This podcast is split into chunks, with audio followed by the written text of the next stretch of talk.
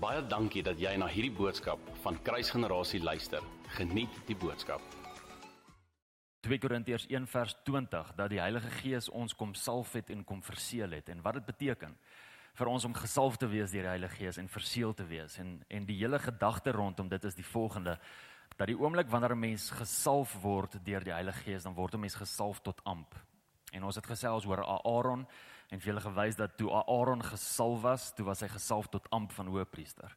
Ons het vir julle gewys uit Saul uit koning Saul, die oomblik toe hy gesalf was, toe was hy gesalf gewees as koning. En ons sien in Openbaring 1 vers 5 en 6 dat Jesus deur sy bloed ons die reg gegee het om konings en priesters te wees en dit alles gebeur die oomblik wanneer ons in sy koninkryk inkom en ons gesalf word deur die deur die Heilige Gees. Die kinderkerk gaan lekker te kere vanoggend. Ek love dit. So met ander woorde, ons is konings en en ons is priesters. En ons het ja, seker nou wat die laaste 3, 4 Sondae so 'n bietjie daar gesels. En vandag wil ek eintlik gesels oor begeertes. Um dit eintlik eintlik nie te doen met die hoe moet ek gaan ek kan ek nou sê? So dit het eintlik baie te doen met die feit dat jy 'n koning is, maar eintlik ook nie te doen met die feit dat jy 'n koning is nie. Maak dit sin? Maak vir my sin. Luan sê dit altyd, maak vir my sin. So, ehm um, hierdie is die gedagte wat ek by by julle wil bring. Ek sien hoe die Heilige Gees ons as kinders van God salf om konings en priesters te wees. En dan sien ek hoe kinders van die Here sukkel om vry te kom van sonde en sukkel om sonde onder die knie te kry, om sukkel om oorwinning te kry oor oor sekere goeters. En ek wil eintlik vandag wil ek so 'n bietjie daar gesels. So ek gesels vanoggend oor begeertes. En ehm um, ek ek dink die oomblik lag so vir die span want toe hulle hoor ek praat oor begeertes, toe's hulle mindset dadelik na jy weet ons gaan 'n begeerte hê vir Jesus en ons moet begeerte hê om hom te sien en begeerte en ek love dit want dit is natuurlik hoe ons as 'n span is, maar ek gaan eintlik in die ander rigting in vandag um oor ander begeertes. So as jy jou Bybel het, sal ek dit like dat jy saam met my blaai. Ons gaan weer baie skrif gee. Ek dink julle ken my nou al. Like dit om uit die skrif uit te praat. My oortuiging is dat die woord van God harder praat as my eie woorde. So ek hou daarvan om om skrif te gee. En die eerste skrifgedeelte waaruit ons gaan lees is Jakobus 1 vers 12 tot 4 15, skus. En dan na dit gaan ons na Numeri toe en dan 1 Samuel 8. 1 Samuel 8 gaan ek nie lees nie, ek gaan dit net verwys. En na dit gaan ek Psalm 78 lees. Maar Jakobus 1 vers 12 tot 15. Um hierdie is die enigste skrifgedeelte wat ek in Engels gaan lees. OK, so wees rustig. Die res is almal in Afrikaans. Net so by the way. Maar daar's 'n rede hoekom ek hierdie in Engels wil lees. Jakobus 1 vers 12 tot 15. Blessed is the man who endures temptation For when he has been approved, he will receive the crown of life which the Lord has promised to those who love him. Dit is my so amazing want eerstens kom wys hierdie vir my wat een van die krone is wat Jesus dra. Jy weet in Openbaring 19 as as jy die openbaring van Jesus in Openbaring 19 praat van die feit dat he has many crowns on his head. Hy het baie krone op sy kop. Hierdie is een van die krone wat Jesus dra, die feit dat hy temptasie oorwin het terwyl hy in die wildernis was in Lukas 4 en Matteus 4. Um so dis awesome en dan kom hy en hy beloof vir aan ons dieselfde. Hy sê vir ons, luister as jy temptasie oorwin, is hier vir jou iets. Daar's 'n kroon wat vir vir jou wag. Hoor wat sê dan voor hy sê let no one say when he is tempted, I am tempted by God. For God cannot be tempted by evil, nor does he himself tempt anyone. But each one is tempted when he is drawn away by his own desires. Ek sê ek sit klem op desires want dis die begeertes waar ek wil gesels vandag. Okay? So so kom ek lees net gou daai weer. Each one is tempted when he is drawn away by his own desires and enticed.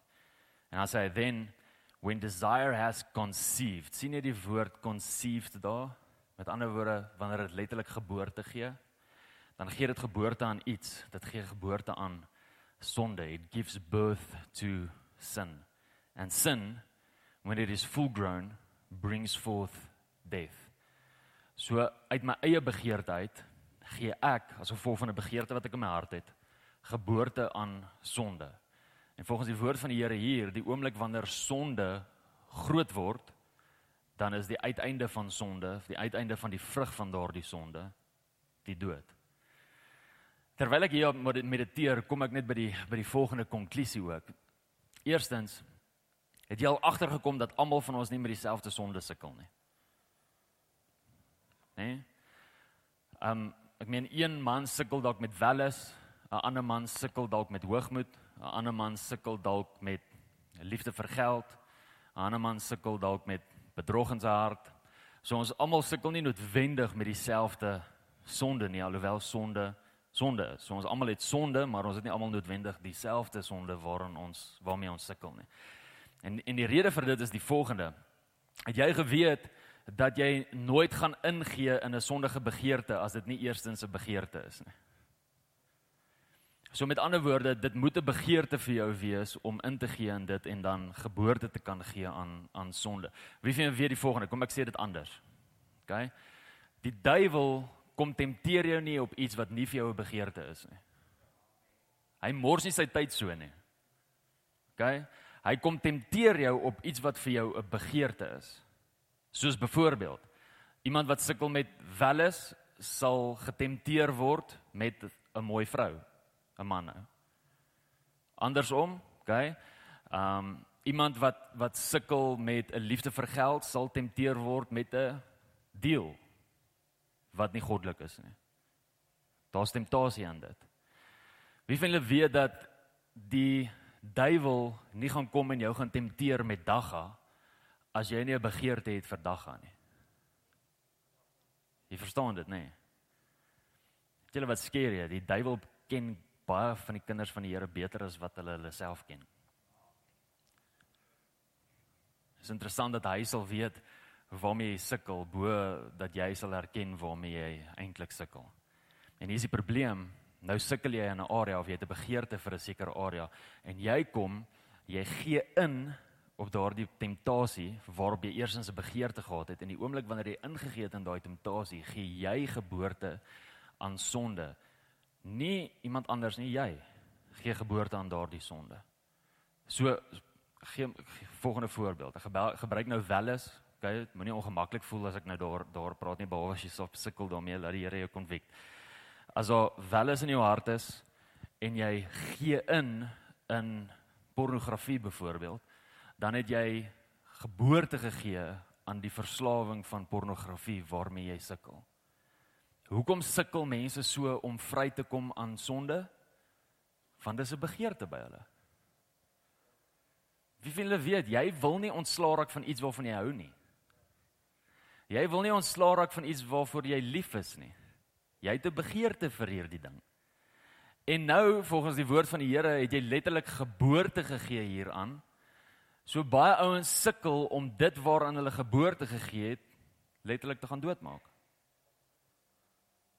Met ander woorde, ek het geboorte gegee aan Welles. Wie's Welles? O, oh, Welles. En nou is ek so lief vir Welles. Wat kyk kyk Welles vir my. Men, En dan kom die conviction van die Heilige Gees na jou toe om vir jou te sê luister Jan, jy kan nie so kyk na vrouens nie. Jy kan nie toelaat dat jou oë so dwaal nie. Jy kan nie toelaat dat jou oë maak dat dit wat in jou hart aangaan en daai begeertes die vervulling in daar kry. Jy kan nie daar toelaat nie. Nou is jy soos Here maar Jo, ek hoor wat jy sê en ek stem so saam en ek is so jammer, Here. Maar die volgende dag loop daar weer 'n mooi vrou verby jou en dan is jy net weer op 'n plek waar jy Hallo Welles. Een van my mentors, ja, vroeg vroeg in my in my wandel met die Here 2005. Een van my mentors na my toe gekom en hy het vir my gesê, "Jan, jy sal nooit ontslaa raak van sonde totdat jy nie daai sonde haat nie. Gaan jy nooit ontslaa raak van daai sonde nie." Familie is dis belangrik vir jou om om om agter te kom dat dat die sonde waarmee jy sukkel gebore is uit 'n liefde, 'n begeerte vir dit. Anders sal dit nie daar wees nie. En as jy nie gaan daai ding haat nie as gevolg van dit wat die vrug is daarvan en dit wat dit doen in jou verhouding met die Here en as jy met welles byvoorbeeld sukkel, dit wat dit doen in jou verhouding tussen jou en jou vrou nie, as jy nie dit haat nie, as jy nie daai vrug haat nie, gaan jy nooit vrykom daarvan nie. Het julle al gesien dat gelowiges hou daarvan om om te brag wanneer God antwoord gegee het op hulle begeertes. Het het julle dit al gesien? Ek het dit al gesien. Gelowiges hou daarvan om te brag wanneer God kom antwoord gee op hulle begeertes. So asof die die feit dat dat God antwoord gegee het op my begeerte maak dat dat daar meer vywer is op my lewe. So amper asof die feit dat dat God antwoord gegee het op my begeerte maak dat ek in 'n in 'n beter verhouding staan as wat iemand anders staan. So amper asof omdat God antwoord gegee het op my begeerte asof ek op 'n plek is waar ehm um, God my meer liefhet. Omdat hy hierdie ding vir my kan vir my gee en hy gee dit nie vir iemand anders nie. Ek wil vandag kom en vir jou sê pas op vir jou begeertes. Pas op vir jou begeertes. Volgens Jakobus 1 is dit jou begeertes wat maak dat jy getempteer word en dat jy val in sonde, eerste plek. Tweedens God sal op die einde van die dag jou oorgee aan jou begeertes. Kyk, kom ons gesels gou 'n bietjie daaroor. Kom ons gaan na Numeri Numeri 22 toe. Numeri 22. Ek wil vir ons lees so van vers vers 7 af. Nummer 22 is die hele verhaal van Balak en en Biliam. En ehm um, Biliam se donkie, Shrek was nie die eerste talking donkie nie. Biliam se donkie was ehm um, ek love hierdie verhaal want as God deur 'n donkie kan praat, dan kan hy definitief deur my praat. En ehm um, wat hier gebeur is is dat Balak wat die koning is van Moab sien wat God deur Israel gedoen het en sien wat Israel gedoen het met al die met die Amalekiete byvoorbeeld nou in hierdie verhaal.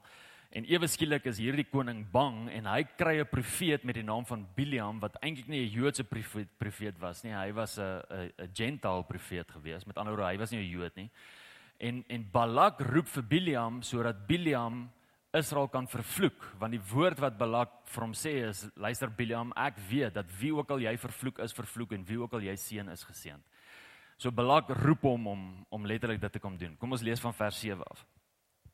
Toe die oustes van Moab, dis nou die mense wie Balak gestuur het, die oustes van Moab en die oustes van Midian gegaan met die waarsêersloon. Daar's klaar vir jou 'n uh, rooi lig, die waarsêersloon. Wie van julle weet dat ons glo nie in fortune telling nie? Dis demonies. Né? Nee? Goed, met die waarsêersloon by hulle en by Biliam gekom en hom die woorde van Balak meegedeel. Daarop antwoord hy hulle. So Biliam antwoord hulle: "Bly vannag hier oor, dan sal ek julle berig bring soos die Here aan my sal sê." Toe het die vorste van Moab by Biliam gebly. Kom ons stop net gedaag. Biliam antwoord hulle so asof hy ongelooflik volwasse is. OK? Wie van julle weet dat volwassenheid word nie eintlik openbaar in die feit dat jy die hele tyd teruggaan na God toe om te hoor wat sy hart is nie. Vol, volwassenheid word geopenbaar in die feit dat jy klaar sy wil weet. Daar's sekere goed wat ek nie vir God hoef te vra nie want ek weet wat sy hart is. Dit kom uit volwassenheid uit. Biliam sê vir hulle, okay, laat ek net eers gou gaan hoor wat sê die Here.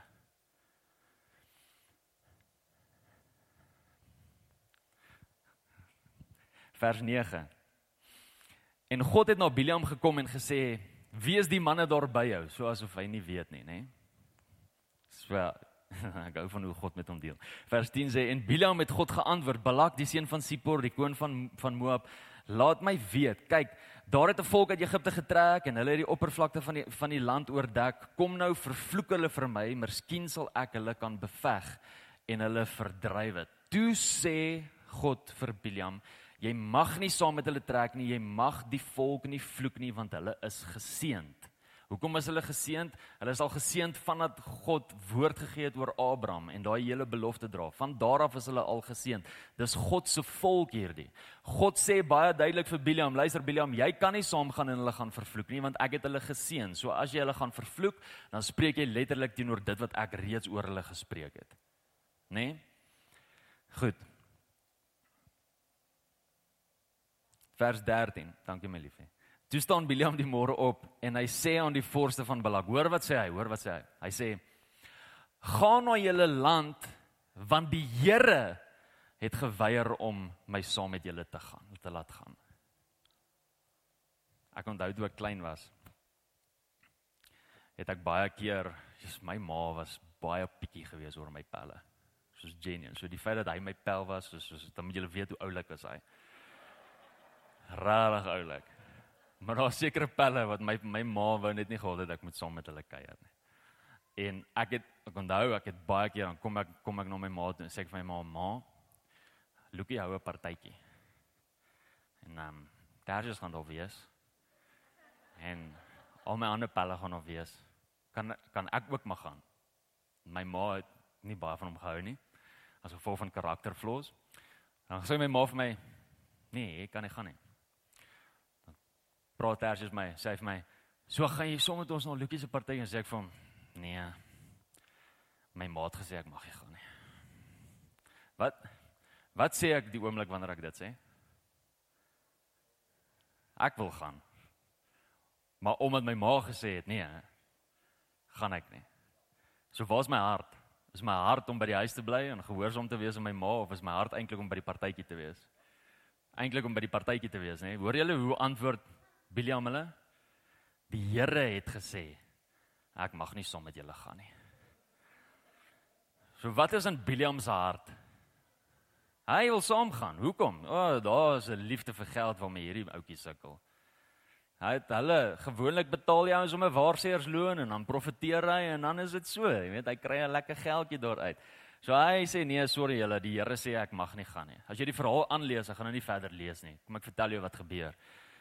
Balak, hulle gaan terug na Balak toe.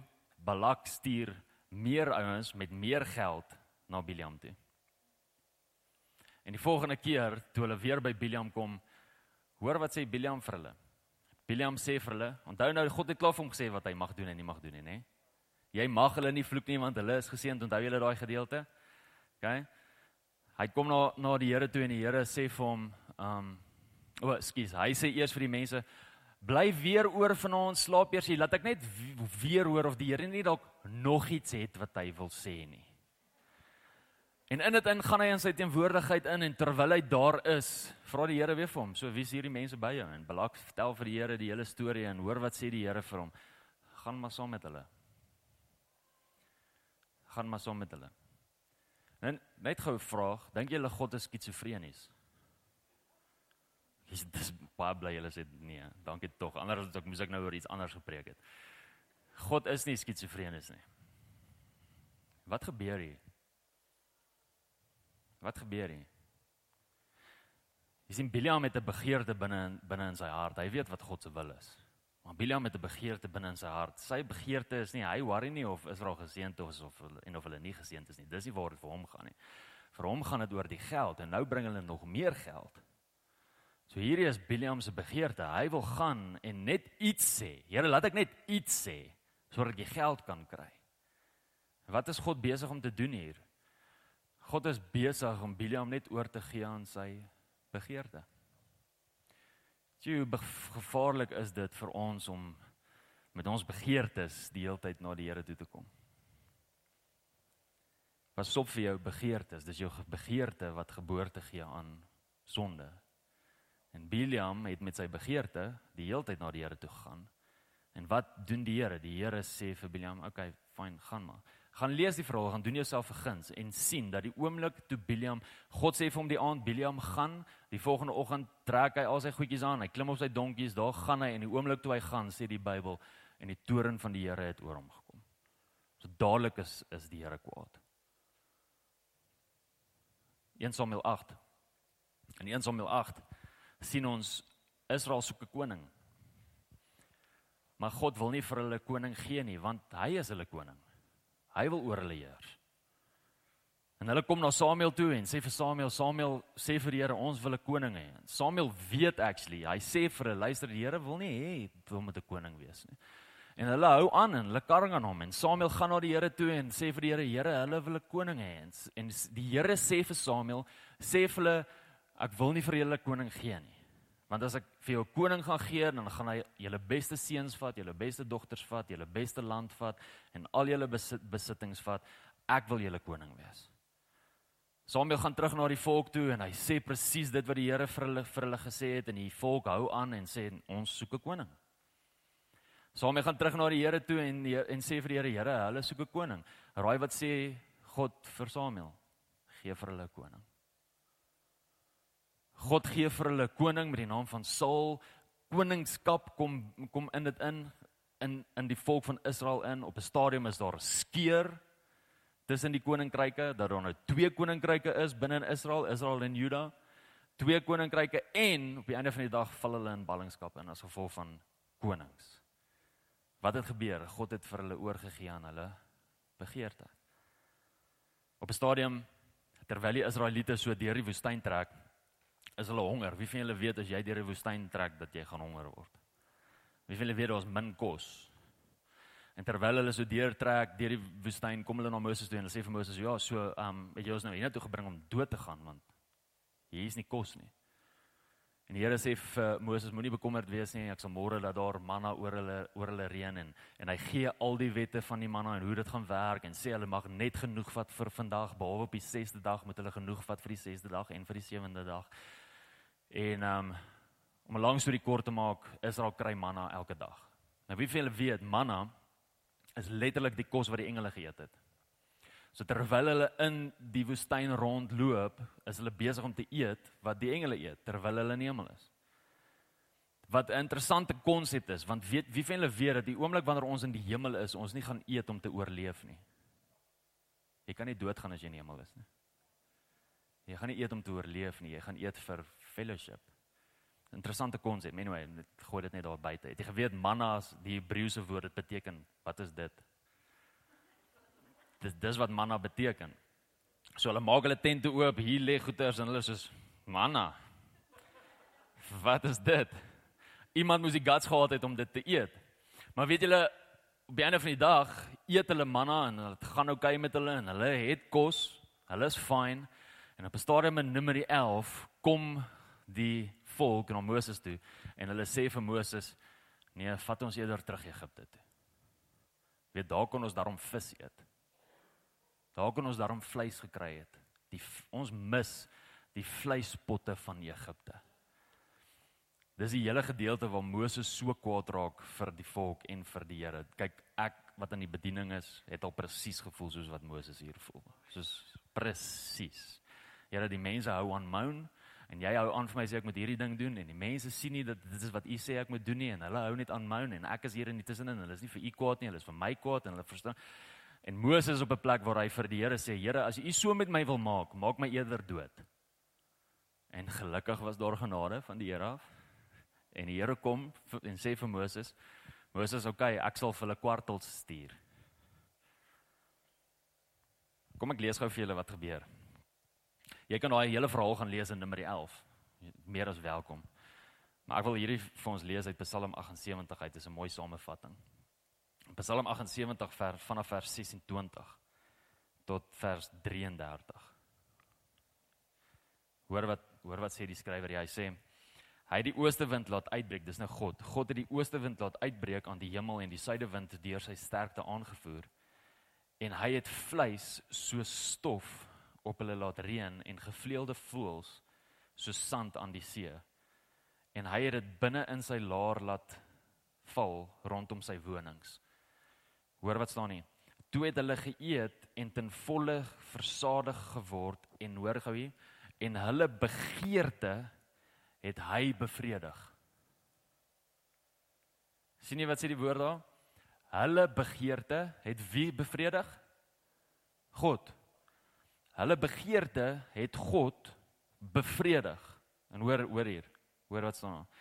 Hulle was nie weg van hulle begeerte nie. Hulle voedsel was nog in hulle mond. Hulle was letterlik nog besig om te kou toe die toren van God teen hulle opgegaan het en hy 'n slagting onder hulle kragtige manne aangerig het en die jong manne en van Israel neergewerp het. Ondanks dit alles het hulle verder gesondig en nie aan sy wonders geglo nie. So het hy dan hulle daar laat vergaan in nietigheid en hulle jare in verskrikking. Wat gebeur hier? God kom en hy voorsien vir hulle. Hulle het daai gedeelte wat wat Jesus kom in Matteus 6 en en en met ons gesels oor die feit dat ons nie besorgd moet wees oor die dag van môre nie, maar môre sorg vir homself en met ons gesels oor kyk na die mossie en en kyk na nê nee, en hoe God vir ons sorg. Die Jode is letterlik op 'n plek waar dit is wat hulle beleef. Hulle beleef letterlik elke dag God se voorsiening. Daar's water wat uit 'n klip uitkom wat weird is. Daar's kos wat die engele eet wat weird is. Maar hulle eet dit. Daar's voorsiening vir hulle. En hulle raak fed up met God se voorsiening en die manier wat hy voorsien. En hulle sê, "Here, ons soek vleis." Nou hierdie is nie 'n skrifgedeelte vir die vegans om te sê sien julle die Here raak kwaad as ons vleis eet nie. OK, so net net dit sê. OK. Dis net 'n grappie. Hulle sê hulle soek vleis. Die Here gee vir hulle vleis en net na hulle dit dit gekry het, die woord sê in Numeri 11 staan daar die vleis was nog in hulle tande. Die vleis was nog in hulle tande en die Here het vir hulle kwaad geword. Wat gebeur hier? Die volk het 'n begeerte en God kom en hy gee vir hulle hulle begeerte. Maar wie van julle weet dat hulle begeerte was nooit God se wil nie. Was nooit God se plan nie. Ons nou al 3 geleenthede, sien julle? wat daar iets gebeur in in iemand se lewe, daar's iemand wat 'n begeerte het en God gee hom oor aan sy begeerte. En dan is die Here kwaad. Daar's 'n ander verhaal wat julle ken in Lukas 15. Dit is die verhaal van die verlore seun. Hoeveel preek het jy al daaroor gehoor?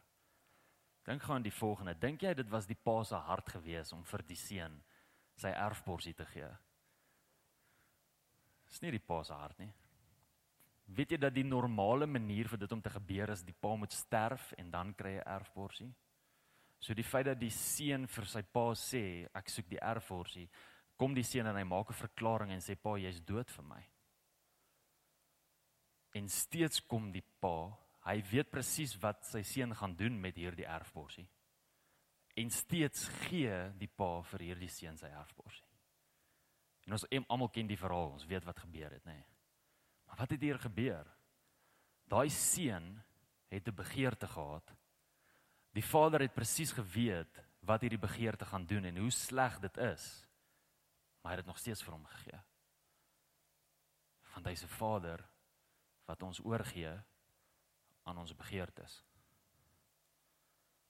Pas op vir jou begeertes. Pas op om met jou begeertes die hele tyd na die Here toe te gaan.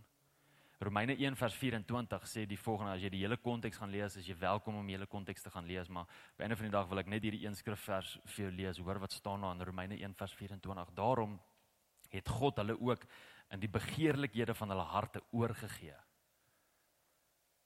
Daarom het God hulle aan die begeerlikhede van hulle harte oorgegee. Nou ek weet, die oomblik wanneer ons na hierdie preek luister, is daar 10 teen 1 van julle en van die mense op die livestream wat sê maar Die Bybel sê dan ons moet ons begeertes aan die Here bekend maak. Ja, dis presies wat iemand wat sy begeertes najag en nie God se begeertes najag nie sal sê. En sal noem. Kom ons gaan gou na daai skrifvers toe wat waarvan hulle nou praat. Filippense 4 vers 6. Kom ek lees gou vir jou in die Afrikaanse vertaling sê hy Filippense 4 vers 6: Wees oor niks besorg nie, maar laat julle begeertes in alles deur gebed en smeking met danksegging bekend word by God. sien. Die woord sê ons moet ons begeertes na die Here toe bring. En ons moet dit nie net om te bring nie, ons moet daaroor bid, ons moet in danksegging, ons moet in smeking, ons moet hom smeek vir ons begeertes. Um nee, dis actually nie wat die woord hier sê nie. As jy die Engelse vertaling het, dan sal jy sien dat die Engelse vertaling dit reg vertaal het uit die Grieks uit. Vir een of ander rede het die Afrikaanse vertaling dit heeltemal kokkai vertaal. Want die woord begeertes is nie eers in die Grieks nie.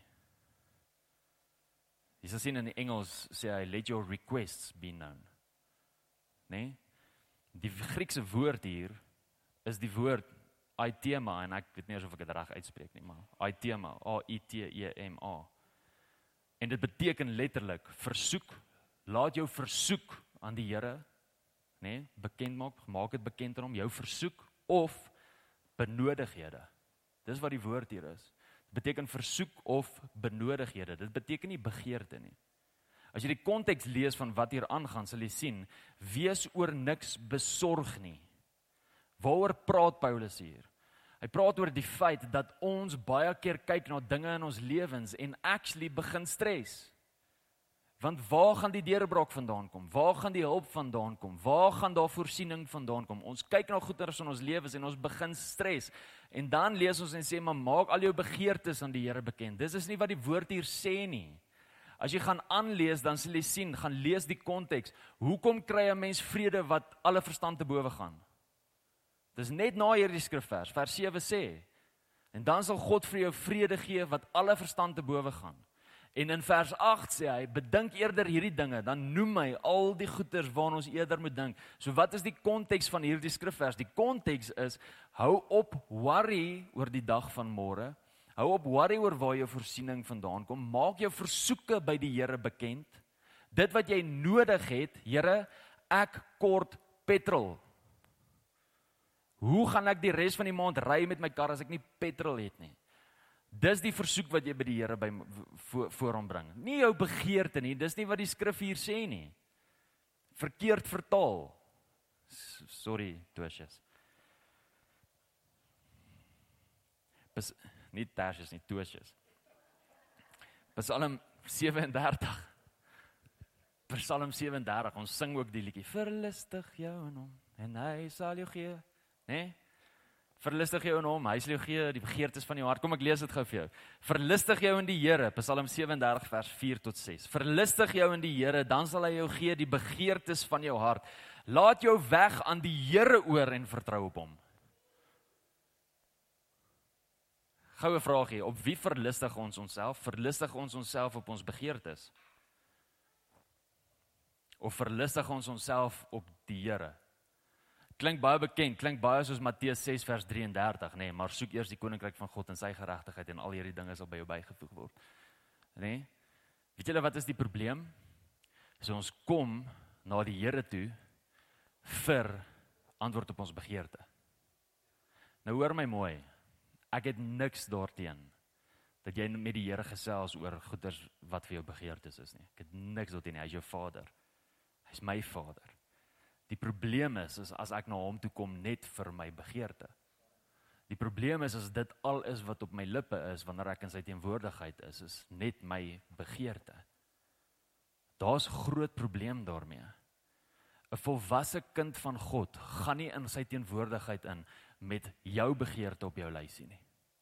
'n Volwasse kind van God gaan in sy teenwoordigheid in om te hoor wat is op sy hart, wat is sy begeerte ek lewe nie daarvoor om in sy teenwoordigheid in te gaan om met hom te praat oor my begeerte en daar uit te stap sodat hy antwoord gee op my begeerte nie. Ek lewe daarvoor om in sy teenwoordigheid in te gaan om te hoor wat is sy begeerte en om te lewe tot vervulling van sy begeerte. Daar's 'n baie groot verskil. En baie gelowiges mis dit.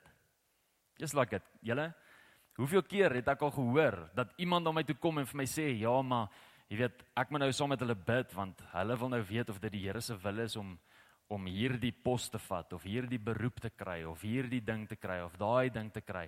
En daar's niks fout daarmee nie. Niks fout daarmee nie. Maar weet julle hoeveel keer bid ek saam met 'n persoon en dan ervaar ek, jy's die Here sê vir my net, dink nie hierdie persoon moet dit doen nie. En dan kom ek dan deel ek dit met hierdie persoon, dan sê hulle net soos ja, maar die Here het vir my gesê ek moet dit doen. OK, kom maar, hoekom het jy my dan gevra? Om saam met jou te bid. Moet dan nie vir my vra om saam met jou te bid nie. Die Here het mos nou vir jou gesê. En dan doen hulle dit wat hulle ervaar het die Here vir hulle gesê het en oor 2 maande is hulle spyt want wat gaan nou aan? Jy weet die Here het vir my 'n deur oopgemaak om oor see te gaan werk en pastoor Jesus, ek weet dit is so groot geleentheid vir my want die finansies is so goed. Ja, maar jy gaan 200 dae 'n jaar weg wees van jou familie af. Ja, maar jy weet dis die prys om te betaal net vir 5 jaar om jy weet net vir 5 jaar dit te doen en en ja, maar na 5 jaar is jou huwelik op die rotse. En jy vervreemd van jou kinders. En hulle lewe in rebellie en hulle wil niks te doen hê met jou nie en jy dink jy is die beste pa want jy het vir hulle al die geld gegee. Hulle soek nie al jou geld nie, hulle soek al jou liefde. Daar's 'n groot verskil. Ja, maar jy weet die begeerte om net om nou Ek doen baie couples counselling. Ek love couples counselling. Um Nou ja, kom 'n man om my toe, hy sê vir my ja, ek moet sommer met hom bid want hy wil by die Here hoor of hy nog by sy vrou moet bly of nie. Ek was stom geslaan. Genien, ek was stom geslaan. Ek kon dit nie glo nie. Ek sê dat jy vir die Here moet vra wat sy hart is of jy moet bly. Het hy nie gesê in sy woord dat wie hy bymekaar gesit het, niemand mag skei nie? Het jy geweet daai niemand is selfs God? Hy sluit homself in dit in. As hy as hy vir my en Mariska bymekaar gesit het, die woord niemand sal on, mag ons skei nie, selfs hy mag ons nie skei nie. Nou kom ek na die Here toe en ek vra vir die Here, ja, Here, ek weet ek weet nie. Weet nie dalk het ek verkeerd gehoor, jy weet. Maar nou hierdie ding gel net nie meer so so lekker nie. Dalk jy weet ek dis so stupid. Ek kan dit nie glo nie. Maar hoeveel keer het jy al gesien dat mense wegstap en dat hulle in egskeiding val? En die oomblik wanneer hulle met die persoon met wie hulle egbreek gepleeg het, wanneer hulle in daai verhouding instap, dan sal hulle selfregverdigend wees oor hoekom hulle in daai verhouding instap. Hulle sal self die godskaart speel wanneer hulle daar instap. Pas op vir jou begeertes. Pas op vir jou vir jou begeertes. Ons is baie keer so vasgevang in ons begeertes en dit wat ons wil hê en volgens hoe ons wil lewe. En dit wat ek sien, hoe ek sien my lewe moet lyk. En hoe ek sien my lewe kan lyk en waarna ek in vervulling gaan gaan kry. Luister, daar's as jy enige vervulling wil soek buite Jesus, as jy klaar op die verkeerde spoor. Al jou vervulling is in Jesus. En weet jy wat dat as jy dit jou verklaring is dat al jou vervulling in Jesus is, dan sal jy nooit eers ooit daaraan dink om vervulling by 'n ander plek te kry nie. Jy hoef nie 'n beter werk te kry vir 'n groter vervulling nie. Jy hoef nie 'n mooier kar te ry vir 'n groter vervulling nie. Jy hoef nie 'n beter huis te hê vir 'n groter vervulling nie, want Jesus is jou vervulling. Pas op vir jou begeertes. Ons verhouding met Vader word nie gedryf deur ons begeertes nie. Ons verhouding met Vader word gedryf deur ons liefde. Wie wil weet daar's 'n groot verskil.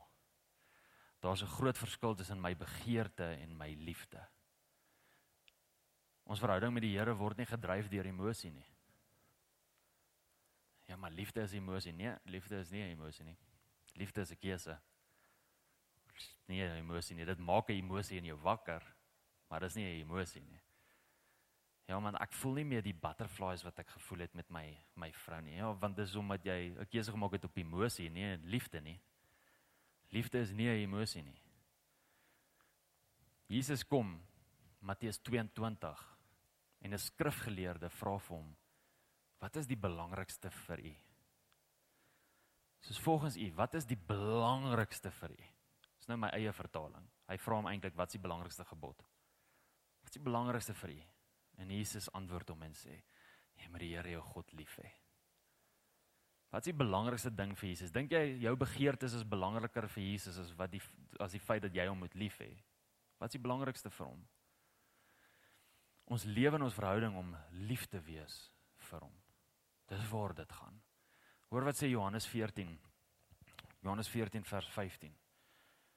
Jesus praat hier. En hy sê die volgende, hy sê As julle my liefhet, bewaar my gebooie.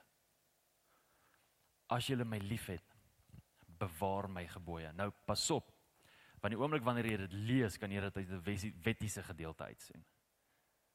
Van ag, oh, jy weet, ek ek moet hom nou, ek moet nou al hierdie goed gehoorsaam want ek is lief vir hom. Jy weet so, ag, nou nou moet ek dit doen. Nou moet ek ophou om hierdie te doen of ek moet in hierdie rigting gaan want want my verklaring is ek is lief vir hom. Nee nee nee nee. Wat Jesus eintlik sê is die volgende. Hy sê hier dat jou liefde vir hom maak dat jy die goeders wat in sy hart is doen. Jou liefde vir hom maak dat jy sy gebooie bewaar. Jou liefde vir hom maak dat jy gehoorsaam is aan hom. Jou liefde vir hom maak dat jy goeders in jou lewe neerlê. Jou liefde vir hom maak dat jy in 'n verhouding met hom wil staan en jou eie goedjies wil bære. Jou liefde vir hom maak dat jy sy begeertes najag en nie jou eie begeertes najag nie. Jou liefde vir hom Dis wat die skrif hier sê. Familie Ons val so soveel keer in daai trap van ons begeertes. Vele vier voorbeelde gewys. Biliam Israel wat 'n koning wil hê. Israel wat man wat kwartels wil hê in plaas van manna. Die verlore seun. Vier voorbeelde van mense wat hulle begeertes nagejaag het. En kyk wat het gebeur op die einde van die dag. Pas op vir jou begeertes. Ja God na vir hom laat hy jou begeerte wees. Ja God na, nie vir wat hy vir jou kan gee nie. Ons het dit gesing in die sang wat ons gesing het. Nie vir dit wat hy vir ons kan gee nie, nie vir dit wat hy vir ons kan kan bied nie. Dis nie hoekom ons agter hom aan is nie. Ons is agter hom aan omdat ons lief is vir hom. Liefde is die dryfkrag van alles. Daar's sekere goed wat ek vir my vrou neerlê omdat ek lief is vir my vrou. Daar's sekere goeders wat ek vir my vrou doen omdat ek lief is vir my vrou. Daar's sekere goeders wat ek nie doen nie omdat ek lief is vir my vrou. Liefde is die dryfkrag. Nie en enigiets anders nie. So by the way, dis hoekom baie huwelike sukkel want daar's 'n begeerte en hulle voel die persoon vervul nie in die begeerte nie. Sy is nie sy is nie gemaak. Sy is nie gemaak om in my begeertes vervulling te gee nie. Sy is nie gemaak om waarde by my by te voeg nie. Ek is gemaak in die beeld van God. Wie gee vir my waarde? God. Ek is in sy beeld geskape. Die feit dat sy my vrou is, beteken nie dat ek nou meer waardevol is nie. Baie couples is agter dit aan en dan dink hulle op die einde van die dag, "Wag, hierdie persoon gee nie meer waarde by my toe nie." En wat gebeur? Die huwelik is op die rotse. Ek is nie daar vir dit wat sy vir my kan gee nie. Ek is in ons verhouding vir dit wat ek vir haar kan gee. Dis hoekom ons in 'n huwelik is. Ek is in 'n huwelik, ek is getroud met my vrou vir dit wat ek vir haar kan gee. Vir ook haar kan support, vir hoe ek haar kan bystaan, vir hoe ek in haar drome kan glo, vir hoe ek haar begeertes kan dien. Dit is hoe ek kom ek in 'n huwelik is, nie vir andersom nie. En ons moet baie keer versigtig wees vir die goeders wat ons sê en verklaar. 'n huwelik is mooi. God wil 'n huwelik gebruik. Ek weet nie eers hoekom as ek nou op 'n huwelik trein nie. Dalk is daar nou iemand wat dit met dit moet hoor. Op die einde van die dag is hierdie wat ek wil sê. Ons word gedryf. Ons word gedryf ons verhouding met God word gedryf deur ons liefde vir God, nie nie as gevolg van ons begeerte vir wat dit wat hy vir ons kan gee nie. Liefde, nie begeertes nie. Kom ek bid vir ons. Vader, terwyl ons hier in die teenwoordigheid is, is dit vir ons so belangrik om te lewe volgens dit wat in die hart is. Here, daar's net een manier vir ons om te weet wat in die hart is en dit is om in 'n intieme verhouding met U te kan wees. Dis om soos wat ons nou-nou gebid het voor ons begin het, Here, om om U te kan sien, om om om te kan staar na U, om te kan kyk na U, om om daai openbaring te kan hê van wie U is. En my gebed is dat dit sal wakker maak in ons harte. Here dat ons nie gelowiges sal wees wat die hele tyd respond teenoor wat in ons hart is nie of dit wil hê wat in ons hart is of wil lewe volgens ons begeertes nie of wat my gebedslewe sal bestaan uit my begeertes en dit wat ek graag wil hê nie. Maar dat ons heeltemal sal omswaai en dat ons op 'n plek sal wees waar ons sal lewe asof gevolg van wat vir U belangrik is. U begeertes. Israel het misgekyk van u voorsiening, Here. Hulle was moeg geweest vir hoe u voorsien het en hoe u met hulle gemaak het en dit het gemaak dat hulle iets anders wil hê. Here, in ons verklaring is dat ons vertrou u. Trust in the Lord with all your heart and lean not on your own understanding. In all your ways acknowledge him for he will make your path straight. Lord, we acknowledge you in all our ways en alles wat ons doen. Ons kyk na U. En ons vertrou U. Hierdie is ons verklaring. Hierdie is my verklaring, Here. Ons vertrou U. Ons vertrou U begeertes. Ons vertrou U hart. Ons vertrou U woord. Ons vertrou U planne. En nêrens wil ons ons eie goed najag nie. Here, dankie dat daar genade is vir ons. En my gebed is dat wanneer ons dit dalk gemis het, wanneer ons dalk gelewe het volgens ons begeertes, volgens dit wat ons wil hê. Heilige Gees, dankie dat met die conviction daar ook genade is. Dat U ons help om terug te kan kom vir dit wat U belangrik is, Here. Wil dit vanoggend by U voete neer lê, Here. al die beloftes, al die drome, al die planne, oral waartoe ons op pad is, Here. Al al die mooi goed, al die glamorous goed. Ons lê dit net by u voete neer, Here. En hierdie is ons verklaring, Here. Ons is nie agter u aan vir die vervulling van die beloftes nie. Ons is nie agter u aan vir die blessings nie. Ons is agter u aan vir u. Ons is agter u aan vir wie u is. Ons verlustig onsself in u. Ek verlustig myself nie in u sodat u die begeertes van my hart kan vervul nie. Ek verlustig myself in u. Here, want daar's soveel om in te ver kan verlustig. Daar's soveel om te kan sien. Die openbaring van wie is is so amazing, Here. En die oomblik wanneer ons dit beleef, die oomblik wanneer ons dit erken binne in ons lewens, sal ons nooit enigiets anders wil hê nie. En my gebed is dat U dit sal wakker maak in ons familie vandag in die naam van Jesus. Amen. En amen. dat jy na hierdie podcast geluister het. Indien jy die boodskap geniet het, deel hom asseblief met jou vriende.